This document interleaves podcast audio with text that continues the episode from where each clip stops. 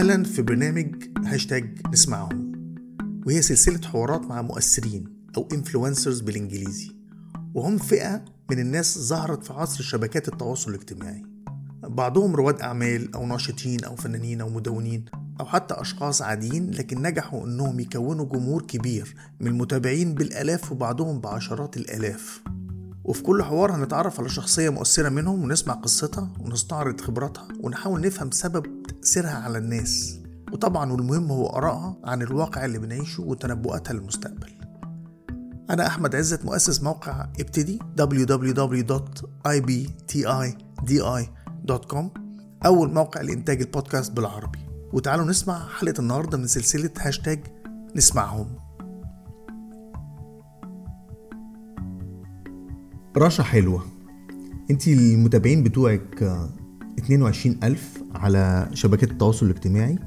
وانت كاتبة وصحفية ثقافية ودي جي المفاجأة إنك دي جي من مواليد عكا ومقيمة في الوقت الحالي في برلين حاصلة على بكالوريوس علم الاجتماع وعلوم الإنسان الأنثروبولوجي من جامعة حيفا.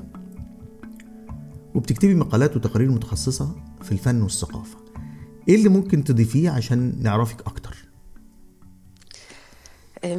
صحيح. أنا بنت بنت مدينة عكا مدينة على الساحل.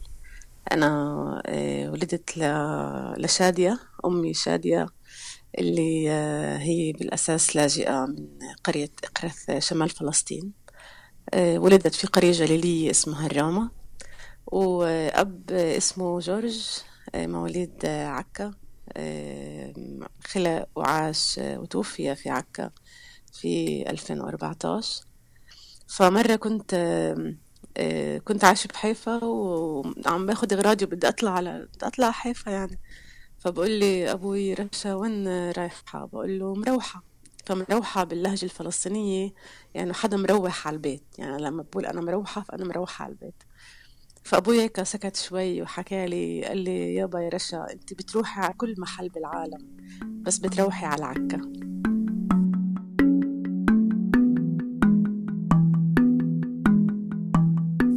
عايزك توصفي لي نشأتك وإيه اللي شكلك؟ ليه في 22 ألف واحد بيسمعوا كلام اللي انت بتقوليه؟ أول شيء بلشنا بعكا رح أرجع شوي للبيت يعني أو تعال أرجع قبل قبل ما أتولد أصلا يعني إنه أنا ولدت لأم لاجئة من من الجبل وأب ابن مدينة عكا ابن البحر. أنا اسمي رشا. و...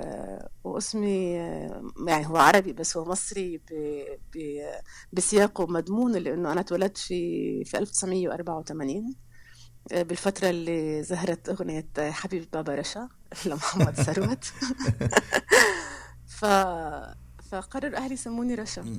أه وطبعا لما دخلت الصف الأول في المدرسة أبوي اكتشف إنه في سبع رشا في الصف. آه، فدخل الصف وعرف إنه في سبعة رشا فقال يا ده أكثر من محمد يعني. فعلا كنا أكثر من محمد.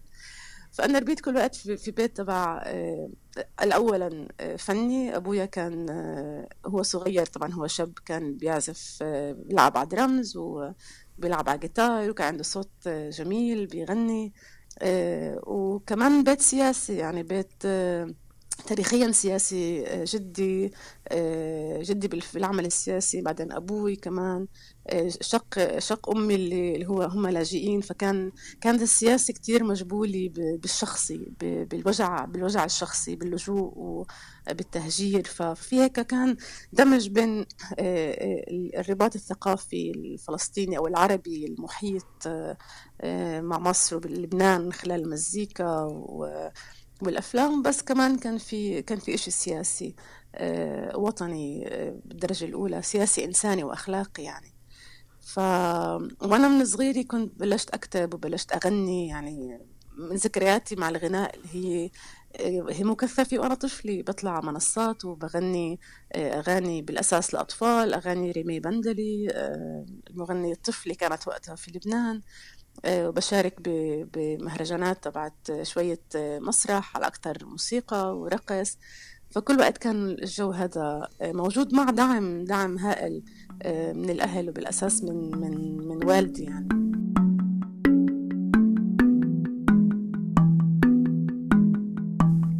خليني أرجع لاهتماماتك. زي ما انت قلتي انت اهتماماتك هي قصص الناس وطقوس حياتهم والسفر. وأعتقد إن في ناس كتير بتشاركك اهتماماتك دي بس الشيء الفريد هو إنك من فلسطينيين 48 صحيح. أو عرب 48 أو فلسطينيين الداخل. يعني تسميات كتيرة. وإحنا هنا في مصر ويمكن في كتير من البلاد العربية ما نعرفش كفاية عن فلسطينيين الداخل. أه، وانت ممكن تساعدينا نعرف عن طريق اهتماماتك وهي قصص الناس وطقوس حياتهم والسفر. ممكن لما نتكلم النهارده دلوقتي نبتدي نتكلم عنك نتكلم في السياق ده. فمثلا ال blog بتاعك أو المدونة بتاعتك اسمها زغرودة. أو إحنا في مصر بنسموها زغروطة بالطه. وهو عنوان آه. إيه اللي بتمثل لك الزغاريت ليه, سميتي ال blog بتاعك زغروطة؟ زغرودة كان بالنسبة لي آه، يعني بالتراث الفلسطيني عموما. الزغاريد هي مش بس تع- هي مش بس تعبير للفرح هي أيضا تعبير للحزن. يعني يعني إحنا النساء آه، بزغردن آه، وقت آه، الولادة وقت آه، الفرح العرس الزواج وكمان وقت الشهادة. يعني لما بيستشهد آه، شاب أو صبية الزغريد تعبيرا هي دمج بين إنه هو لسه في عمر صغير واستشهد ولكن هي تعبير أيضا على الحزن. فزغرودة كان بالنسبة لي زي تجسيد آه، ل- للحياة عموما لهيك بتفصيل صغير إنه أنت كيف ممكن بتعبير واحد تعبر عن مشاهد من الحزن ومن السعادة في نفس الوقت يعني. ونعم يعني كان زغرودة كانت آه، شباك بالأساس أول للتواصل آه، مع آه، مع أصدقاء وصديقات سواء فلسطينيين لاجئين في الشتات أو في العالم العربي. ولكن كان أكتر هي أنا كان عندي كمان حاجة تكون شباك على حياتنا كفلسطينيين في الداخل وفلسطينيات في الداخل. لأنه زي ما بنعرف كلنا أحمد ويعني كل تعال نقول آه، حياتنا كفلسطينيين في الداخل آه، كانت كتير منوطة بأخبار وعناوين رئيسية وتقارير صحفية. آه، وأقل أقل أقل أقل جدا إنك تتواصل مع هذا الشق آه، من فلسطين آه، ومع ناسه من خلال التواصل الأول الإنساني البشري وقصص الناس يعني. طبعا الشعر والأدب والموسيقى عملت شغل عظيم على مر التاريخ لكن الإنترنت كباب آه، لأنك تبلش تتواصل مع الأفراد نفسهم في أماكن مختلفة بالعالم كان قيمة مضافة جدا بالأساس لحياتنا كفلسطينيين في الداخل. فلسطينيين الداخل على سبيل المثال قعدوا آه، يعني يمكن أجيال مش قادرين يسافروا. تماما تماما. طبعا يعني في خصوصية تبعت سفر آه، لفلسطين الداخل بالأساس كحاملي جوازات سفر إسرائيلية. وهاي الخصوصية كأنها يعني من جهة لا مش بتتيح آه، غالبا السفر للعالم العربي أو بتتيح أحيانا آه، في حال حصول على تصريح آه، أو ما يسمى بفيزا يعني. طبعا هون يعني ممكن نحكي عن عن كثير كأنه إشكاليات وتحفظات بهذا الجانب لكن بنفس الوقت آه يعني كأنه كان في غير السفر الجسدي تعال نقول أنا بالنسبة لي كان أهم هذا السفر من خلال هذا الفضاء الرقمي. يعني أنت اليوم يعني كثير ناس اليوم ما يعني سواء في عكا أو في حيفا أو في رام الله ك- بالضفة الغربية أو أو تعال نقول في الجليل يعني ما سافرتش على على مصر أو على تونس أو على أو على لبنان ولكن صار في حالة تبعت كأنه سفر من نوع آخر إنه صار اليوم يعني اليوم أنت اليوم من خلال المدونات أو من خلال العالم الافتراضي عموما كثير ناس بلشت آه، تتواصل مع ناس تبعت صور لبيوتها لشوارعها آه، لحياتها آه، فصار في قرب كأنه بمعزل عن عن كل كأن عن كل ال- ال- العمل السياسي تبع التواصل آه، العربي. آه، إنه اليوم الناس قدرت من خلال المواد أو المنصات المتوفرة عندها إنها تحكي قصتها تحكي قصتها بعيدا عن التقديس بعيدا عن التخوين. لأنه صار في هذا هذا الشباك المفتوح من عندك من الغرفة من البيت على من غرفة من البيت بعكا لغرفة بالبيت في اسكندرية. أنت حاسة إن العرب بصفة عامة فاهمين طبيعة آه، فلسطينيين الداخل؟ أظن اللي, اللي, اللي عايز يفهم آه، فهم واللي واللي معني يفهم فهم. وأنا بتخيل كمان إنه إنه اليوم وضع يختلف تماما آه، عن ما كان قبل 20 30 سنة. لأنه اليوم لأنه اليوم في زي بالأساس لأنه في تواصل أكثر واحد لواحد. يعني أكثر اليوم يعني بطل الفلسطيني اللي, اللي في الداخل آه، كأنه آه، شخصية آه، مش مش مفهومة. يعني بطل بس صورة بالخيال بطل بس إنه حد بيتكلموا عنه بالصحف ضمن الإعلام الرسمي. صار بني آدم صار إنسان. وكان يعني يعني طبعا فترة ما كان في كان التخوين للفلسطيني في الداخل هو بسبب أنظمة وبسبب إعلام تابع لأنظمة يعني. لأنه ما كانش في تواصل بين الناس. طب هل هل ممكن كمان بعض الفلسطينيين الداخل يكون عندهم حاسين بتباعد؟ هو مكان تم تم شرخه. عن عن عن محيطه الطبيعي سواء فلسطين آه، آه، كلها يعني أو أو أو العالم العربي. هو مكان على قد في النص ولكن كأنه انبنى حواليه آه، جدار اللي أنت ما عندك هاي المناليه أو أو سهولة الوصول لخارجه لأنه ظرفك السياسي بحط فرض عليك فرض عليك. آه، آه، استعمار فرض عليك جواز سفر فرض عليك كثير أشياء. أنت طبعا بالنهاية نحن نحكي عن اليوم عن ما يقارب مليون 300 ألف فلسطيني عدا عن عن عن المقدسيين طبعا اللي هن عايشين بهذا المكان بظروفهم الخاصة. طبعا تاريخيا هم عمليا اللي كل وقت أو هم أو إحنا تحدوا هذا الواقع بأشكال عديدة. يعني بأشكال تبعت سواء بالسياسي أو بالثقافي أو بالفن كان في تحدي لهذا الواقع اللي فرض فرض علينا. يعني بذكر تماما وأنا ب... ب... أنا عارفة بأول العشرينات مش متذكرة بالضبط كان في كنت أنا في عكا وكان في عنا راديو جهاز راديو كبير موجود في غرفتي آه، في البيت. وغرفتي عمليا عندها شباك بطل يعني بتشوف البحر يعني على الغرب لكن بتطلع على شمال فلسطين. وأنا عم يعني عم عم بلعب بالإذاعة عم بحاول التقط ألقط أي إذاعة يعني أي محطة راديو.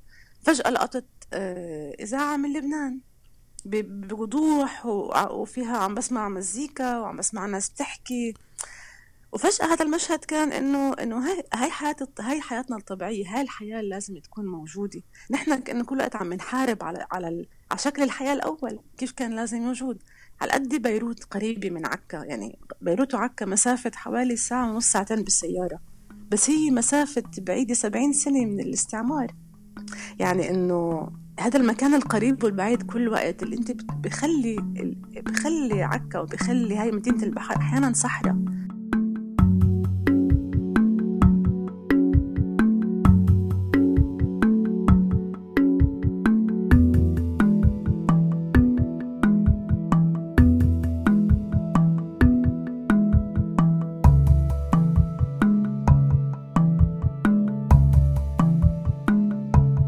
خلينا نفترض إنه في شاب أو شابة من فلسطينيين 48 جم مصر سياحة والتقوا بحد تعرفوا على حد وحبوهم. إزاي ممكن؟ هل في فرصة للعلاقة دي؟ إنها تبقى علاقة دائمة بالزواج.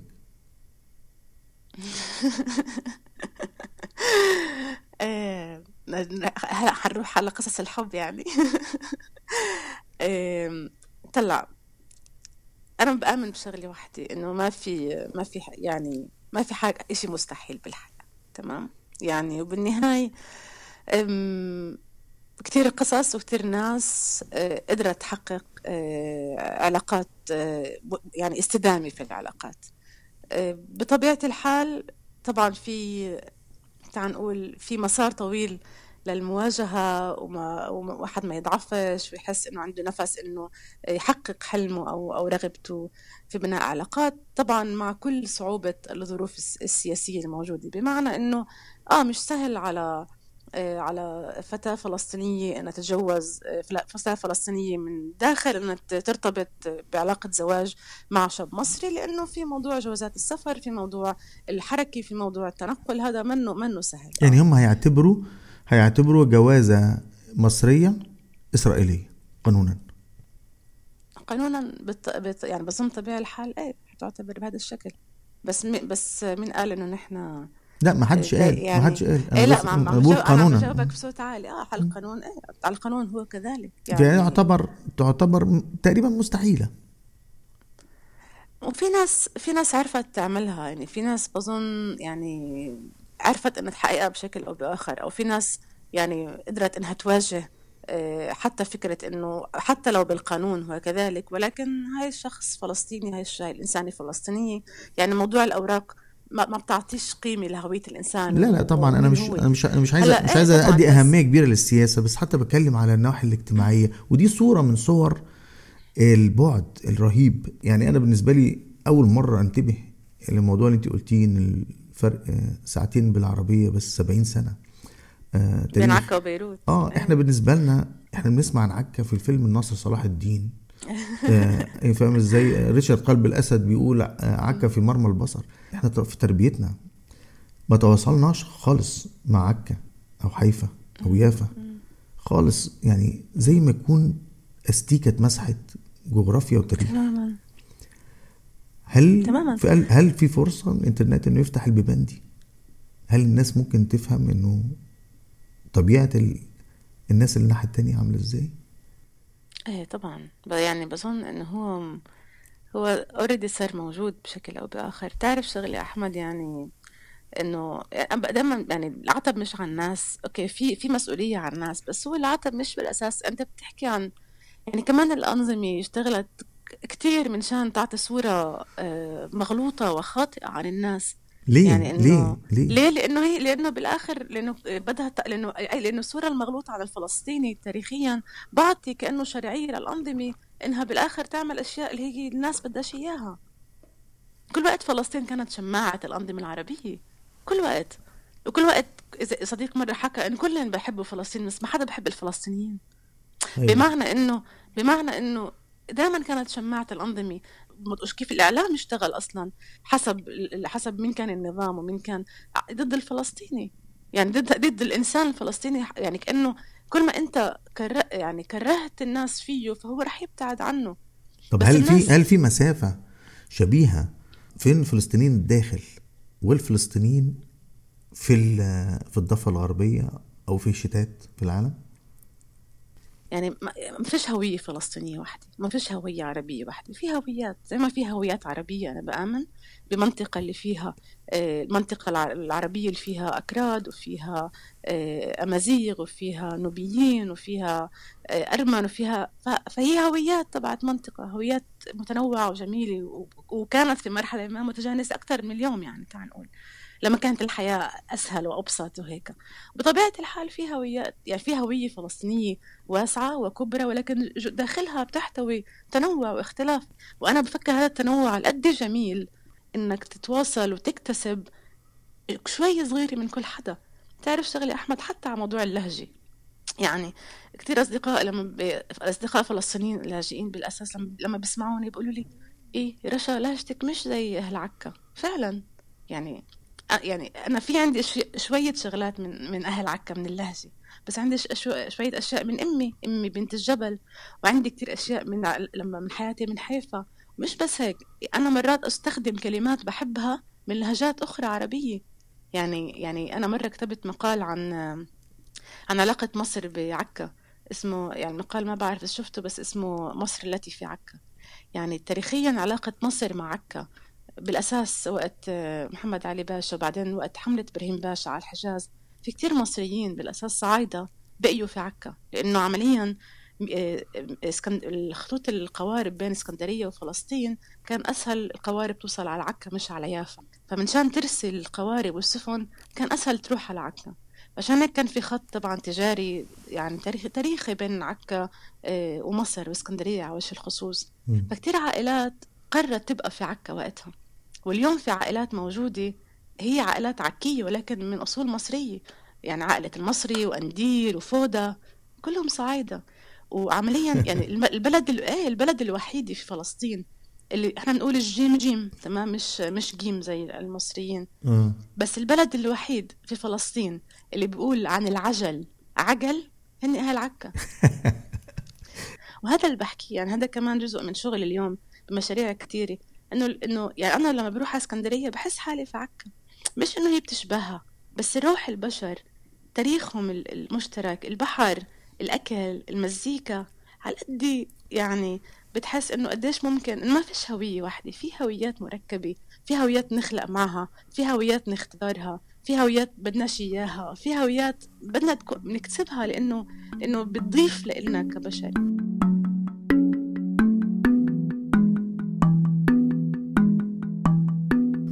انت قلتي اللي بيقعد بمطعم ومقهى عكا بكون متأكد من شغلة أساسية بهاي الحياة إنه أم كلثوم وجورج والسوف خلقانين يا إما بساحة عبود أو بحارة الفخورة. تمام. بدي أحكي لك بس قبل عشان هيك عم نقول حي الفخورة كتير. حي الفخورة وحي في عكا عكا القديمة. حي اللي ولد فيه أبوي. آه، هو حي كان مشهور فعلا بالفخار يعني. هو موجود على يعني على على الشط الغربي تبع المدينة. وساحة عبود هي واحدة من أحياء آه، عكا. عكا طبعا زي كتير بلاد قديمة مقسمة أحياء وحارات وأزقة. فإيه لأنه في في طقس هيك في شيء جميل بعكا. إنه بتمشي بتمشي في البلد القديمة أنت كل وقت سامع بالأساس صوتين أم كلثوم وجورج وسوف. تمام؟ هلا دائما يعني في دائما نكتة إنه أهل عكا بيعتبروا جورج وسوف ابن بلدهم يعني. إنه في هيك قرب تبع مش مفهوم ليش السبب بس بحسوا بلدياتهم يعني. وام كلثوم يعني حاضرة بقوة يعني. بتذكر إنه يعني كان أبوي يحكي لي إنه مرات تمشي بعكا بالمدينة آه، المساء وبس صوت ام كلثوم مسموع في المدينة. إنه فعلا الناس مشغلة بإذاعات ولا ولا مشغلة آه، ولا المقاهي. إنه هي حاضرة فجأة بتحس إنه كيف ممكن مع مع كل التاريخ ومع كل الظروف السياسية مع كل محاولات الاستعمار والأنظمة إنها تضيق على الناس وتضيق وتعمل شرخ بينهم بين تاريخهم وموسيقاهم وأفلام والسينما وشرخ وشرخ وشرخ. بس بالآخر الناس تعرف كيف كيف تجيب توصل صوتها وتجيب صوت الآخرين. يعني سبعين سنة من الاستعمار فيش حدا قدر يمنع صوت أم كلثوم من عكا. فيش حدا قدر يمنع صوت فيروز آه، بالصبح من مقهى فتوش بحيفا. فيش حدا. فقديش أنت ممكن قديش الناس كل وقت عشان هيك الثوار في حي الفخورة؟ الثوار بمعنى نهج الحياة. نهج الحياة الطبيعية والبسيطة من غير فزلكات ومن غير آه، من غير شعارات. الناس كل وقت بحاجتها الأولى هي بتقاوم بتقاوم لأن هذا امتداد الطبيعي هاي طبيعتها. أم كلثوم طبيعي تكون خلقانة في عكا. زي ما أجت في أول الثلاثينات وغنت في حيفا والقصة الشهيرة طبعا إنه هي سميت كوكب الشرق على على لسان امرأة من حيفا. ما يعني شو أكتر طبيعي من هيك؟ شو أكتر طبيعي إنه إنه إنه كثير مغنيين مصريين ولبنانيين غنوا يعني سجلوا أغانيهم في إذاعة إذاعات فلسطين. يعني ف... فكل هاي التركيبة ما حدا قدر يمنعها. اليوم اليوم برواية أخرى بمو... يعني بالمقابل اليوم تحكي عن فرق فلسطينية موسيقية من حيفا ومن يافا ومن عكا ومن رام الله ومن القدس. الأصدقاء بالقاهرة بسمعوها بالمقاهي وبالبيوت. يعني هي كأنه نفس المعادلة بأشكال أخرى أحمد. أه. نفس المعادلة تبع إنه يعني إنه يعني آه زمان الناس كانت تحمل كاسيتات تروح على أوروبا وتلتقي باصدقائها من العالم العربي في أوروبا وتأخذ هالكاسيت تبع نعرفي تسجيل لفرقة صابرين آه كاميليا جبران. وبعدين كاسيتات الشيخ إمام. يعني الشيخ إمام يعني عايش معنا. يعني كان عايش معنا في بيوتنا وفي تاريخنا وبسهراتنا وبحزننا وبأفراحنا. ف يعني فيش إشي يعني أول كان كاسيت بيتنقل. والناس مرات إذا بتقدر تسافر بتروح بتسافر بتحضر حفلة. بس اليوم في في في أشكال في أشكال تواصل أخرى. اللي طيب. شو ما كان ال هذا التواصل موجود. وهذا التواصل هو شباك على قصص الناس وحقيقة الناس. منشان هيك اليوم أظن الناس بتعرف كيف نحن عايشين وبتابع كيف نحن عايشين. وأنا قصتي كرشا بطبيعة الحال كل وقت هي هي مش قصتي أنا كإنسان وكفرد وكإمرأة. هي بالضرورة قصص كتير ناس وبالضرورة هي مسؤوليتي ككاتبة أو كإنسانة بالدرجة الأولى. مسؤوليتي أحكي قصص ناسي في الوقت اللي كل كل ال يعني المعادلات المفروضة علينا عم عم تمنعنا إن نتواصل مع الآخرين بس نحن عم نحكي قصصنا بكتير أساليب بكتير وسائط وكتير أشكال.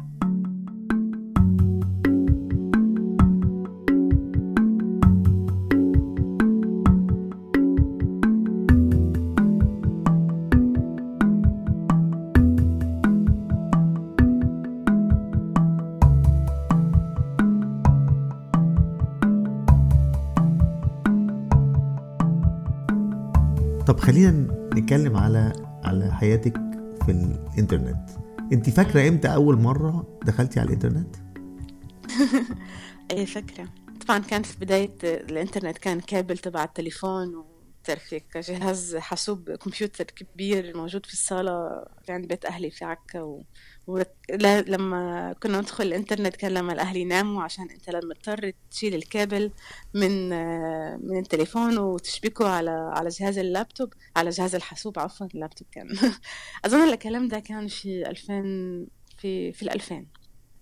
وكان لسه كل الترند تبع الشباك التشات هاي اللي كان أظن وقتها mIRC مش فاكرة كان في كده شباك آه، تبع محادثات اسمه house party اللي هو كانوا فلسطينيين وفلسطينيات من الداخل بيتواصلوا عن طريقه. ووقتها تعرفت كان وقتها أظن بعد الانتفاضة الثانية إذا أنا متذكرة صح. فكنا دائما كان إحنا شباب والانتفاضة الثانية لسه هيك موجودة ب بتأثيرها بأبعادها آه، الفردية والجماعية كمان. فبلش عندي أتواصل مع أصدقاء يعني أتعرف على ناس. وطبعا يعني بوقتها كان عالمي هو عكا يعني عكا مدينتي. أنا لسه في المدرسة فهذا عالمي. بس فجأة صار عندي أصدقاء من من مدن وبلدات فلسطينية اللي أنا بعمري ما رحت عليها. كأنه كان شباك أول للتواصل البشري مع ناس من بلدك من محيطك القريب. طب وبرا بلدك؟ وبرا بلدك أظن بلش مع عمل الصحفي. يعني لما بلشت آه، أشتغل أكتب آه، يعني تقارير ومقالات وحوارات آه، كان عندي كتير رغبة إني إني أتواصل مع فنانين عرب. كان الفيسبوك في أنا فتحت الفيسبوك ب 2007 بس ما كانش لسه ماخذ حيز في حياتنا كلنا يعني ولا في حياتي. فكانت المدونة هي الأساس. مدونة والكتابة لصحف فلسطينية محلية. كمان هذا العلاقة مع اللاجئين كان إشي مهم كتير بالإنترنت. يعني دائما علاقة اللاجئين بالمعظم كانت مع فلسطين آه، هي من خلال آه، تاريخ الموروث والذاكرة الموروثة من أهاليهم أو, أو العلاقة مع الإعلام والأخبار. بس فجأة صار فيني أبعت صورة آه، لشارع في حيفا okay؟ لصديقة لاجئة لأبو لجدها لاجئ من حيفا. وفجأة يعني مع كل الوجع فجأة إنه صارت هي قادرة تشوف الشارع. طيب خليني أسألك آه، إيه أكتر هاشتاج أثر فيكي وليه؟ أوف يا أحمد أسئلتك صعبة.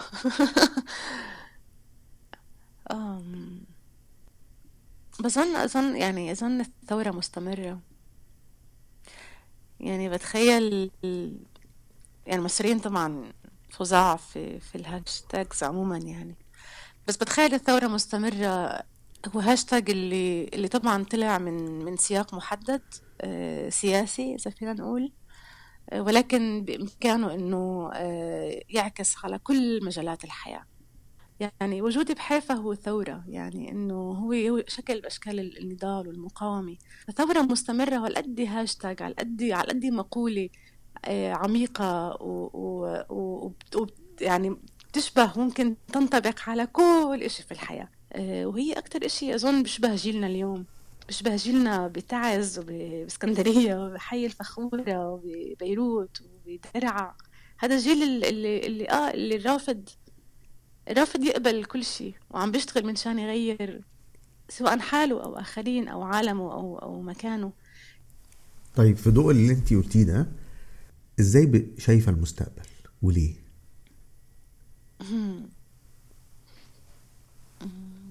يعني مخيف اللي عم بيصير في العالم دلوقتي. و... وأكتر مخيف لوين العالم رايح يعني.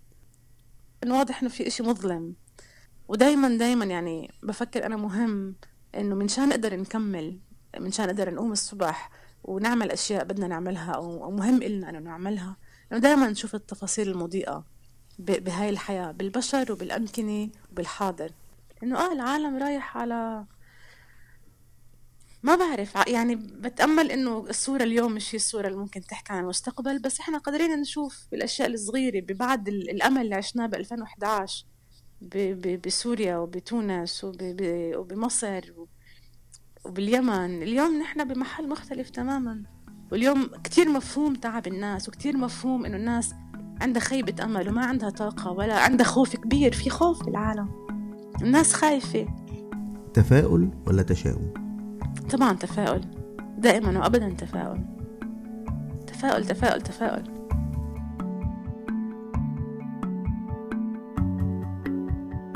عشان نخطركم لما الحلقة الجاية تكون متاحة بندعوكم تعملوا subscribe لينا على iTunes أو Apple Podcasts أو SoundCloud ابحثوا فيها عن E B T A D E أو هاشتاج نسمعهم. توصلكم الحلقة الجديدة بدون مقابل على تليفونكم المحمول أو أي جهاز متصل بالنت أول ما نرفعها وممكن تتابعونا وتشاركونا بالرأي على صفحاتنا على فيسبوك وتويتر وإنستجرام. وكل المعلومات دي موجودة على صفحتنا www.ibtidi.com ولو عندكم اقتراحات أو عايزين ترشحوا مؤثرين أو عندكم فكرة لبودكاست عايزين نساعدكم في إنتاجه وأخيرا لو عجبكم البرنامج مهم تعملوا rating على iTunes وممكن تشيروه. هاشتاج نسمعهم هاشتاج I B T I D I